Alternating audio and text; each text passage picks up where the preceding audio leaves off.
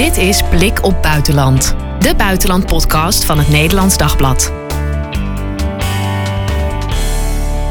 Leuk dat je luistert. Mijn naam is Marien Korterink en deze week hebben we het over de EU-uitbreiding en een update ook over Iran. Wat gebeurt er daar allemaal? Ruud Ubos van de buitenlandredactie is aangeschoven. Goed dat je er bent, Ruud. Goedemiddag.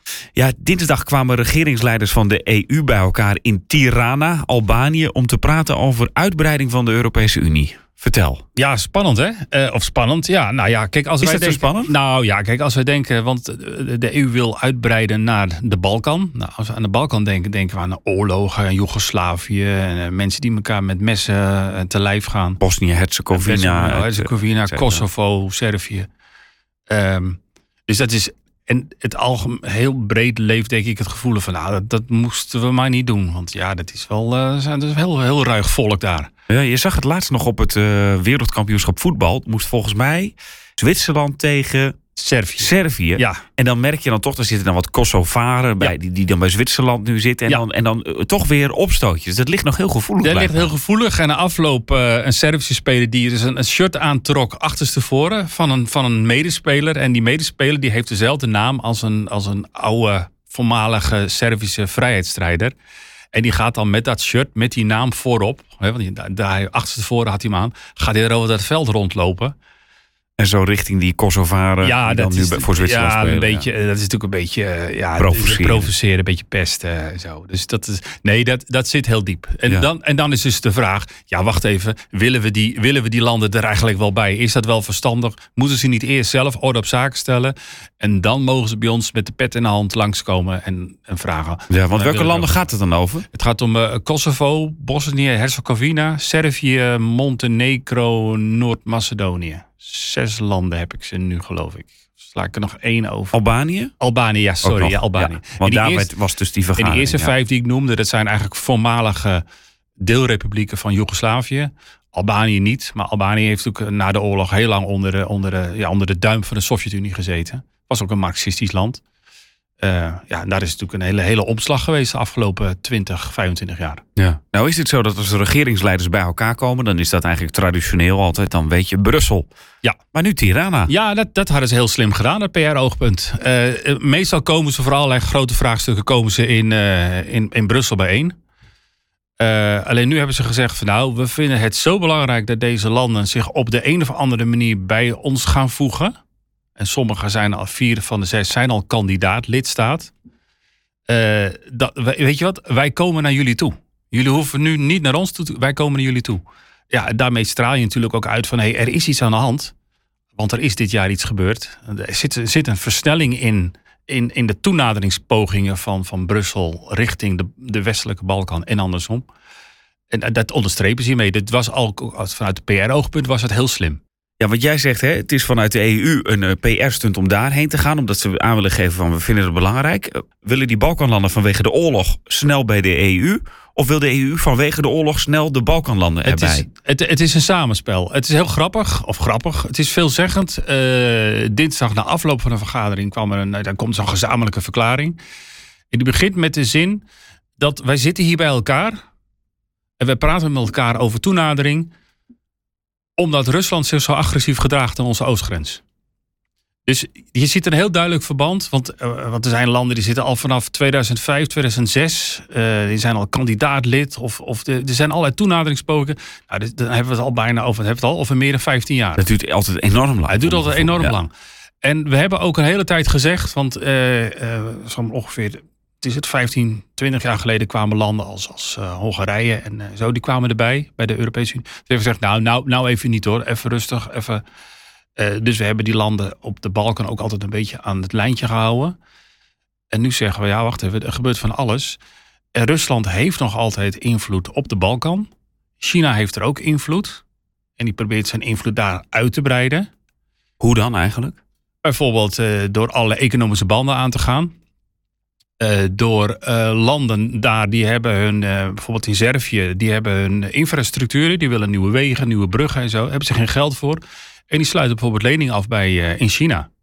Nou, dan, ja, als je leningen afsluit in China, ja, dan zit je ook een beetje eraan vast. En, en dat willen ze in Brussel eigenlijk niet meer. Dus het is, een, het is een wisselwerking. Die landen willen er eigenlijk graag bij.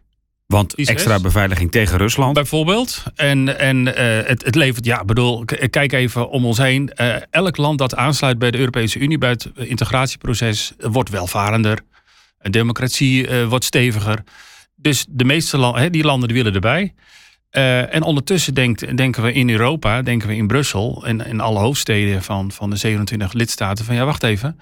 Als we die landen nou erbij halen, dan kunnen we de invloedssfeer van Rusland en China direct aan onze oostgrens kunnen we terugdringen. Dus het is heel duidelijk, zij willen er graag bij. Wij hebben heel lang gedacht van nou, wacht even.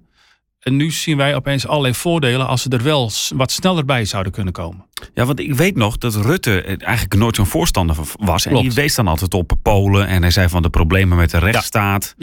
Ja, en, en ook wat heel sterk, waar Rutte op wees, en terecht overigens. Hij zegt van in heel veel van die landen, eh, de, de georganiseerde misdaad is er vaak heel stevig.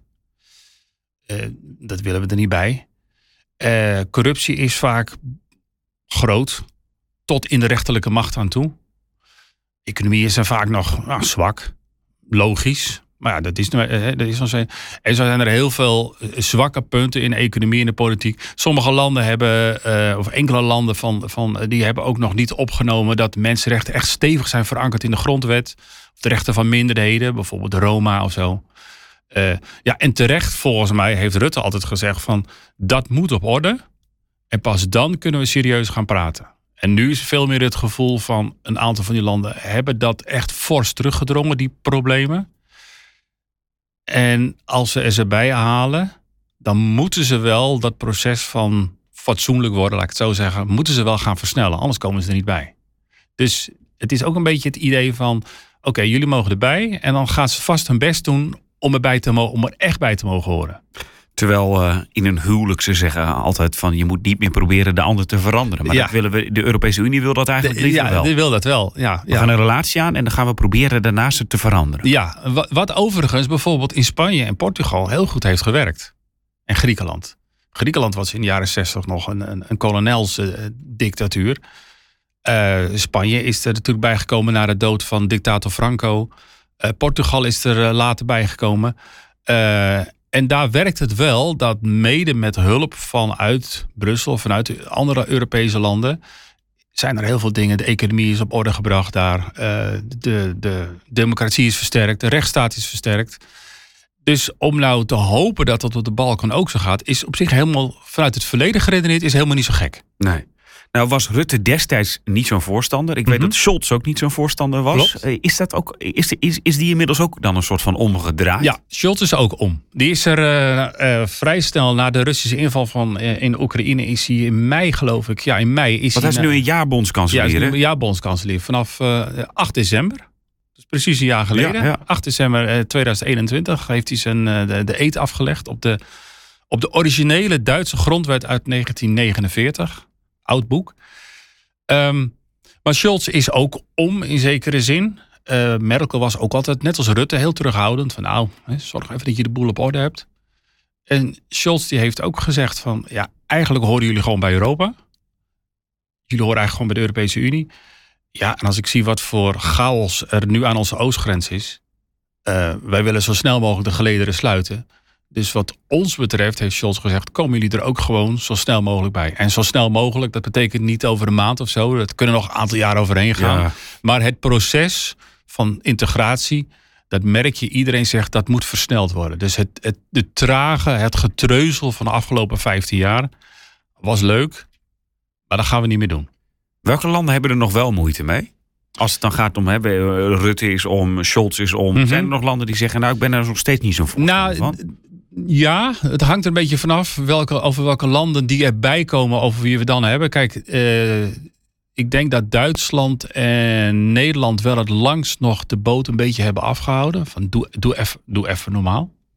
Dat zei Rutte ooit een keer in. Ja, ja, doe ja. even normaal. Doe zelf even normaal. Ja, ja, ja Doe zelf even normaal. Eh, maar bijvoorbeeld eh, Kosovo wilde bij. Maar Kosovo heeft zich in 2008 van Servië afgescheiden. eh, en heeft onafhankelijkheid uitgeroepen. Maar er zijn bijvoorbeeld nog vier EU-landen die hebben nog nooit de onafhankelijkheid van Kosovo erkend. Dus als Kosovo op de deur, deur klopt, dan zeggen ze bijvoorbeeld in Spanje: eh, Wie bent u? U bent toch gewoon onderdeel van Servië? dan gaan we natuurlijk helemaal niet praten. Ja, dat kan dus ook, ook gewoon eigenlijk Het is helemaal heel lastig. En, en voor Spanje, want dat is misschien. Waarom, waarom is Spanje zo tegen? Nou, Spanje houdt niet zo van regio's die zich afscheiden. Ja, Want als zij tegen Kosovo zeggen, nou, dat was nou een briljant idee om je af te scheiden van Servië. Dan zeggen ze eigenlijk tegen hun eigen Catalanen ja. en, Bask, eh, en, en de, de bevolking Bask, eh, Baskeland. Ja, nou ja, dan, jullie mogen ook wel gaan. En dat willen ze juist niet. Dus de Spaanse regering is niet zo van afscheidingsbewegingen in Europa. Want dan krijgen ze hun eigen achtertuin wat? Ja. Hun eigen achtertuin, in hun eigen keuken krijgen ze ruzie. En is dat eh, zo dat het uiteindelijk dan gaat op een... Als één land het niet wil, dat het dan niet gaat gebeuren? Want Ja. het lijkt me inderdaad dat Spanje dan niet zo 1, 2, 3 overstag Ja. gaat. Want dan gaan dan inderdaad in die regio's mensen zeggen... oh, maar als je dat daar wel goed vindt, waarom vind je dat hier dan niet Ja, goed? nee, dat, en we dat is- proberen de zonder ja. oorlog te doen. Ja, Dus ja. Nee, het, de, de spelregel is dat als eh, er één land of meer landen dan erbij komen in de Europese Unie, dan moeten alle bestaande lidstaten moeten ermee instemmen. Als één zegt van eh, eh, zoek het uit, doen we niet, dan gebeurt het niet. Ik ben dan best wel sceptisch. Dan denk ik, er is altijd wel een land inderdaad tegen. Of inderdaad, ze erkennen Kosovo niet. Of ze hebben weer moeite met een... de- Ja, maar dan krijg je- gebeuren. Ja, dan krijg je, want er is in het verleden is ook gezegd, nou, moet Spanje er nou bij? Was er ook wel weer, er waren ook weer landen die zeiden van ja, al wel leuk en aan. Je kunt ongelooflijk leuk op vakantie. Maar nou, nou, Voor de rest. Voor de rest, stierenvechten vonden we ook al niks. Ehm, nou, maar dan krijg je natuurlijk altijd een proces in Europa van masseren. En van, nou, maar als je nou wel overstag gaat, dan staat er weer wat tegenover. Dan krijg je misschien wel ergens een voorzitter van een commissie of zo. Of, ehm, maar jullie wilden toch ook nog altijd een zak met geld? Nou, dat kan dan wel. Nou, je ziet het nu ook met eh, ehm, Zweden bij, eh, bij de NAVO. Eh, er ligt Turkije dwars en er wordt ook gemasseerd en we geven elkaar wat. En als je, nou, dat, Dat gaat nu de komende jaren dan dat eigenlijk gaat de komende jaren gebeuren. Ja. Ja. Ehm, los daarvan, hè, landen die moeite hebben en dat ze overleggen en zo. Is het verstandig vanuit EU-perspectief? In welke zin? Eh, om die landen eh, erbij te krijgen. Eh, aan de ene kant kan je zeggen, we, we zijn eh, misschien beter eh, tegen Rusland eh, voorbereid. Aan de andere kant kan je zeggen van, ja. we moeten die, eh, de, wat de kritiek misschien is in rijkere landen. Ja, dan krijgen we weer landen erbij waar ons geld dan altijd naartoe gaat. dat hoor je dan vaak. Dat, dat is ook zo. En dat zal ook de komende jaren ook gebeuren. Eh, afgelopen eh, dinsdag is ook gesproken over een zak met geld van 30 miljard wat die kant op gaat. Bijvoorbeeld om daar te helpen om de economie te vergroenen en, en, de levenszekerheid van gas en, en, en olie en zo. Eh, nieuwe wegen, nieuwe bruggen. Ehm, dus ja, het gaat ons geld kosten. Ehm, en dan is altijd het, het gesprek in Brussel van ja, maar het levert ons ook wat op. Want we krijgen er sowieso, eh, wat is het, even uit mijn hoofd, eh 50 miljoen in totaal eh, eh, consumenten erbij. Dat is natuurlijk heel plat gedacht natuurlijk. Ja, daar heeft de burger, een Nederlander eh, eh, uit Assen, om maar wat te Ja. noemen, heeft daar natuurlijk in die zin vrij weinig, Nou ja, merkt daar weinig van. Tenzij jij in Assen bij een bedrijf werkt, wat veel exporteert en nu er een nieuwe markt bij krijgt. Maar die export, die, wordt die dan inderdaad, dat weet je hebt ook lang op de economieredactie Ja. gezeten. Eh, is het echt zo dat als je eenmaal erbij bent, dat er dan ineens veel meer export naar zo'n land is? Denk bijvoorbeeld aan Griekenland. Een van de redenen waarom wij Griekenland hebben geholpen in eh, nou, die periode 2010-2015. We hebben er miljarden naartoe, in totaal even uit mijn hoofd 270 miljard vanuit Euro- Europa er naartoe gestuurd in leningen en alles. En het idee was ook van, ja, maar als we nou die economie daar een beetje op de benen houden, dan kan onze handel ook gewoon doorgaan. Eh, want wat heb je eraan als een land failliet gaat? En, eh, en dat betekent dat, eh, dat, dat gewoon een, eh, een exporteur van, van schroefjes of, of binnenbanden, weet ik veel wat. Dus, ja, er wordt zo enorm veel gehandeld overal. Dus Ja. Soms denk ik van, hoor ik... Maar die betalen nu dus veel meer als ze bij wijze van spreken iets willen exporteren naar Albanië, ja, dan dat dat dan zou zijn. het wordt makkelijker. Kijk even naar hoe het nu gaat met het Verenigd Koninkrijk uit de Europese Unie. En er zijn heel veel bedrijven die klagen van, ja, vroeger kon ik mijn schroefjes zo naar, naar Dover sturen of Londen of waar dan ook naartoe. En nu moet ik tig formulieren invullen. Ja. En, eh, en vroeger, eh, als je naar Ierland X wilde exporteren, dan reed je met je vrachtwagen dwars door Engeland. En nu moeten ze met een boot eh, om, om het Verenigd Koninkrijk heen. Dus, ja, dat maakt het wel. Maar, en je ziet dus nu dat dat ook gewoon gevolgen heeft. Ja. Dus alles omgeredeneerd, als er landen bij komen, wordt dat makkelijker. Los daarvan, als je vindt dat je in Europa moet opkomen voor mensenrechten, de rechtsstaat en zo.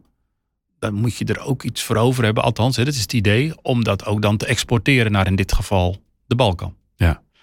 Die landen, zijn die allemaal zelf enthousiast inderdaad? Of welke zijn er ook nog landen die zeggen... ja, we moeten er toch nog eens even goed over nadenken? Of dat in het land nog Nou, dat is, dat, discussie dat, over is? dat is heel spannend. Een hele spannende discussie. Want eh Servië bijvoorbeeld, eh, een jaar of 10, 15 geleden was eh 60%, dus een ruime meerderheid van de bevolking, bleek uit, uit enquêtes, was voor aansluiting. Dat is inmiddels gezakt tot 47%. Ehm, je ziet dat mensen zoiets hebben van, ja, hallo, we zitten nu al zo lang in de wachtkamer. Europa zegt van pas op voor de Chinezen. Ja, zeggen ze op de Balkan. China helpt ons wel met het aanleggen van een brug. Europa niet. Dus eh, we kunnen natuurlijk wel eh, Europa volgen en zeggen... je moet een beetje afstand houden. Eh, dus daar is ook het idee van... het duurt wel heel lang voordat Europa ons nou eens een keer een, de hand geeft. En eens een keer een deur, de achterdeur openzet. Ehm, misschien kunnen we eigenlijk toch maar beter met Chinezen in zee gaan. Ja. Dus, je dus- ziet, je ziet in, bij sommige mensen zie je het beeld wel kantelen. En dus willen ze het wat sneller doen tegenwoordig... in plaats van dat je er nog twintig jaar op moet wachten. Hoe gaat dat hele traject nu verder? Ehm, het eigenlijk is het gewoon, je moet, je moet aan drie voorwaarden voldoen. Je democratie moet op orde zijn. Dus je moet eh, regelmatig eh, keurig nettig, eh, nette vrije verkiezingen houden. Eh, er hoort ook bij dat oppositiepartijen gewoon ook een zegje kunnen doen in de media. Persvrijheid. Je economie moet op orde zijn. Dus het moet wel enige body hebben. Dat je niet bij de eerste, eerste de beste tegenwind wordt omgeblazen. En je hand moet ophouden in, in Brussel.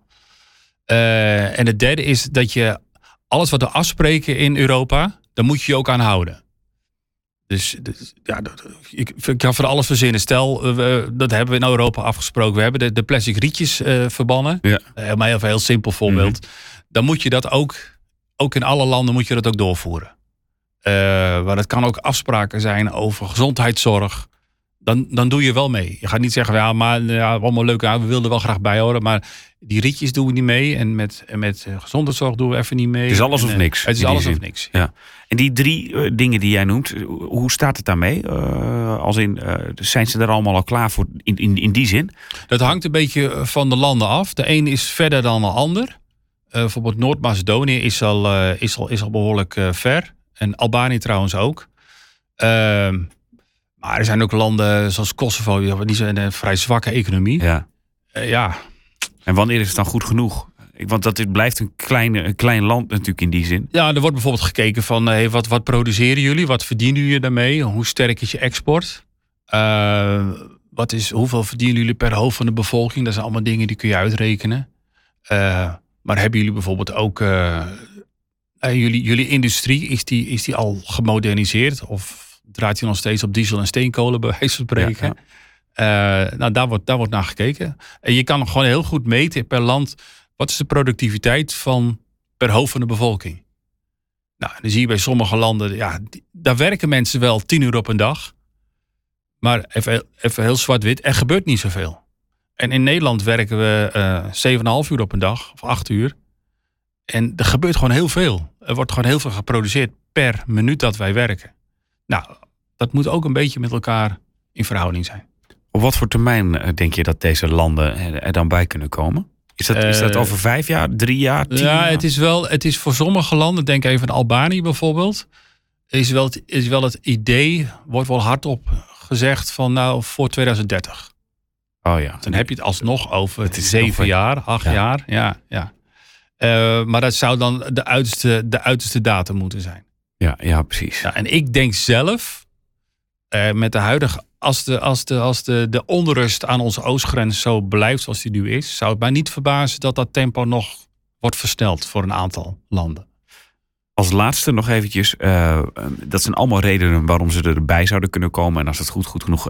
Ergens zie je nu ook in de oorlog, eh, de andere kant, Hongarije ligt vaak dwars met maatregelen, omdat die ook nog weer banden hebben met, eh, met, met, met Rusland of met Ja. Poetin. Klopt. Ehm, eh, je kan ook landen binnenhalen die dan ook zeggen van nou, Ja. veto gaat maar wat te ver richting Ja. eh, Ja, Rusland. nou, Servië bijvoorbeeld.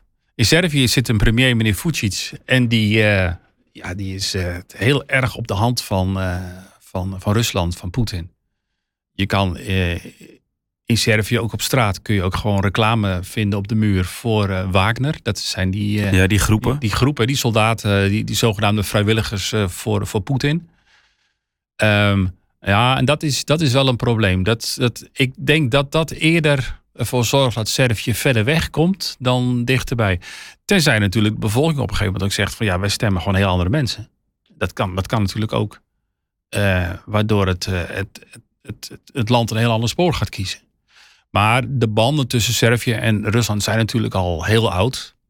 Uh, eeuwen oud. En dat zag je ook in de Joegoslavië-oorlog, 25 jaar geleden dat Serviërs ook vaak steun kregen vanuit eh, Rusland. Het zij moreel, het zij eh, op allerlei andere manieren. Dus dat is nog wel tricky.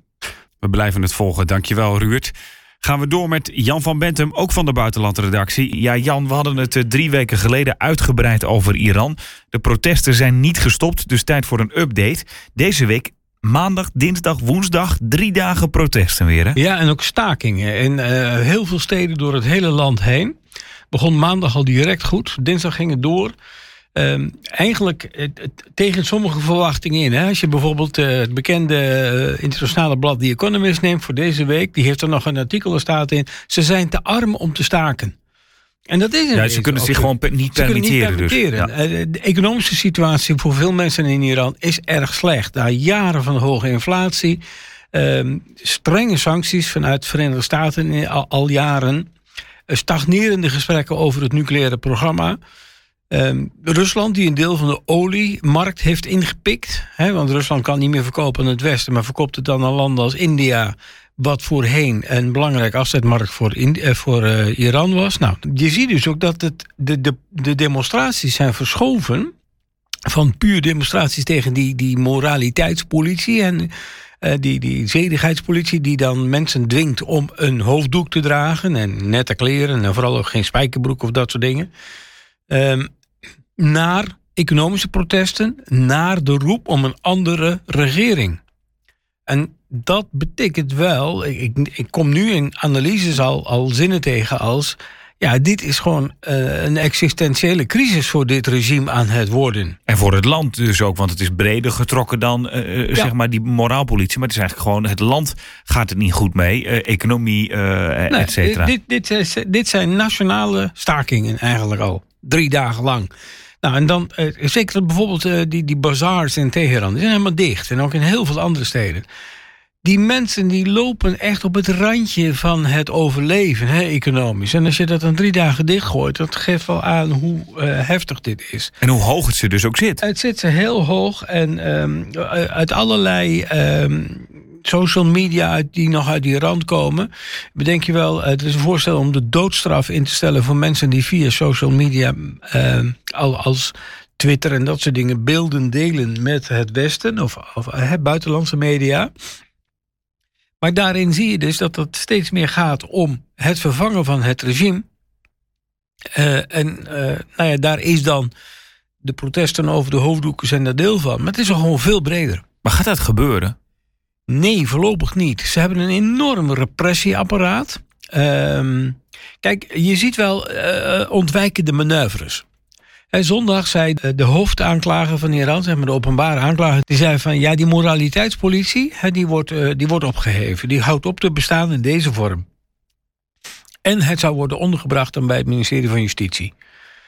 Nou, dan kom je van de regen de drup. Want in dat ministerie van Justitie, bij de minister van Justitie, Ehe is net een, uh, een senior advisor benoemd dat is een voormalig lid van de beruchte doodscommissie eind jaren 80, begin jaren 90, die duizenden dissidenten ter dood heeft veroordeeld en heeft laten ophangen of op andere manieren heeft laten ombrengen. President Raisi, de huidige president, was ook zo'n fijn lid van die commissie. Die tekende de doodvonnissen en deze figuur, Rajavi, die was, dan, die was daar ook lid van. En eh, participeerde daar ook vrij nadrukkelijk in. Was een, een van de prominente leden van de doodscommissie. Nou, dat is dan nu de belangrijkste adviseur voor de minister van Justitie. die dan zorg moet dragen voor het nieuwe beleid. richting het wel of niet dragen van een hoofddoek. En daarover zei bijvoorbeeld ook een lid van. Uh, de, de, de Islamitische Raad, dat is een speciaal. en ook parlementslid. Die, uh, hoe heet hij ook weer? Hossein Jalali. Die zei uh, daar maandag over van Nou, wacht maar. Binnen twee weken dragen de vrouwen in Iran weer een hoofddoek. Dan is het afgelopen. Met andere woorden, ze zijn in hun achterhoofd bezig met uh, nieuwe repressieve maatregelen. Die waarschijnlijk nog harder zijn dan nu. Je ziet ook het aantal doodvonnissen tegen demonstranten toenemen. Er zijn maandag of dinsdag net nog weer zeven ter dood veroordeeld, waaronder drie, drie minderjarigen. Ja, en Iran voert de executies uit. Vorig jaar iets van 500 uh, mensen geëxecuteerd. Op China na het hoogste aantal uh, executies in een land ter wereld. Ja. Dus dit is, dit is geen fijn land hoor, om, uh, om in te leven. En als je dus demonstreert, neem je een gigantisch risico. Want dat heet dan nu opstand tegen God of oorlog tegen God. En daar is het Mohar Rebe. En er is maar één straf voor. De doodstraf. De dood. Wat, wat is, wat, wat, na die drie dagen van, van protesten eh, verwachten we niet dat het gaat stoppen. Maar hoe gaat het zich de komende week dan ontwikkelen of weken? Geen idee. Kijk, dit gaat nu al uh, meer dan 80 dagen aan. Hè? Constant door. En dat is uh, redelijk ongekend. We hebben in 2009 wel die groene beweging gehad. Dat duurde ook vrij lang. Maar dit, dit lijkt toch wel een jonge generatie ook te zijn, vooral, die niet meer wil. Die dit niet meer wil, gewoon. Niet meer accepteert. Niet meer pikt. En dan kunnen ze het lang volhouden, als, het, als dat diep zit. Als dat zo diep zit, ja, dan, dan krijg je echt een, een, uh, wel een degelijk een existentieel probleem. Want hoe ga je dat? Ja, dan kun je alleen maar, als je niet wil toegeven, nou, daarvan wordt gezegd, uh, die, die, die Jalali die ik net aanhaalde, die heeft een paar dagen uh, geleden nog gezegd, op 4 december, van als zij de hoofddoek afschaffen, de, de hijab, dan betekent dat de val van de Islamitische Republiek Iran. Zo hoog wordt het gespeeld. Um, het staat ook gewoon in de Iraanse wet. Een speciaal artikel dat zegt van het niet dragen van een hoofddoek op in openbare ruimtes is een misdaad. Punt.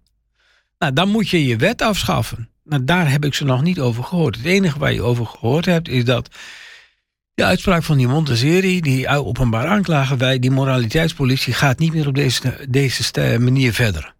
Nou, dan krijg je dus al van, nou, wellicht wel op een andere manier onder een andere guidance. Hé, hey, er is nog een soort moraliteitspolitie. Die heeft een andere naam. Het goede bevorderen en het kwade straffen. Uh, als je het letterlijk vertaalt. Ja, ja. Die zou het ook kunnen overnemen. Die, de, de leider daarvan die heeft dan gezegd... nou ja, wij zijn er wel klaar voor. Ergens bekruipt mij dan soms het gevoel... je kan nog zo lang protesteren, demonstreren, staken... Uh, de, de regering, het is zo star, dat gaat niet veranderen. En dan eh, trek je niet altijd bijna aan het uh, kortste eind. Nou, dat hoeft niet. Wat moet er gebeuren om ervoor te zorgen dat je dat, je dat dan toch kan winnen, zo'n wie het het langst volhoudt? Ja, de ellende is. Uh, het zijn natuurlijk demonstraties in heel veel plaatsen in het land. Uh, het geweld richt zich met name ook tegen etnische minderheden, waar, waaronder wordt gedemonstreerd. Koerden in het noorden, maar Belugi ook en dergelijke. Ehm, de helft van alle doden die zijn gevallen, en we hebben nu over zo'n 500 al, volgens de meeste bronnen, en 700 volgens andere bronnen, dat, die bestaan uit leden van die twee etnische minderheden. Je, je, je krijgt dus op allerlei terreinen breuklijnen in die samenleving. Maar er is niet één nationale leider. Er zijn wel mensen die een bepaalde groep achterban hebben, uh, binnen artistieke groepen. Er zijn ook heel veel filmsterren opgepakt. En die zitten nu achter de tralies, want die hadden deelgenomen aan de demonstraties.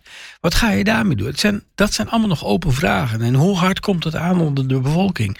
Durven ze door te gaan?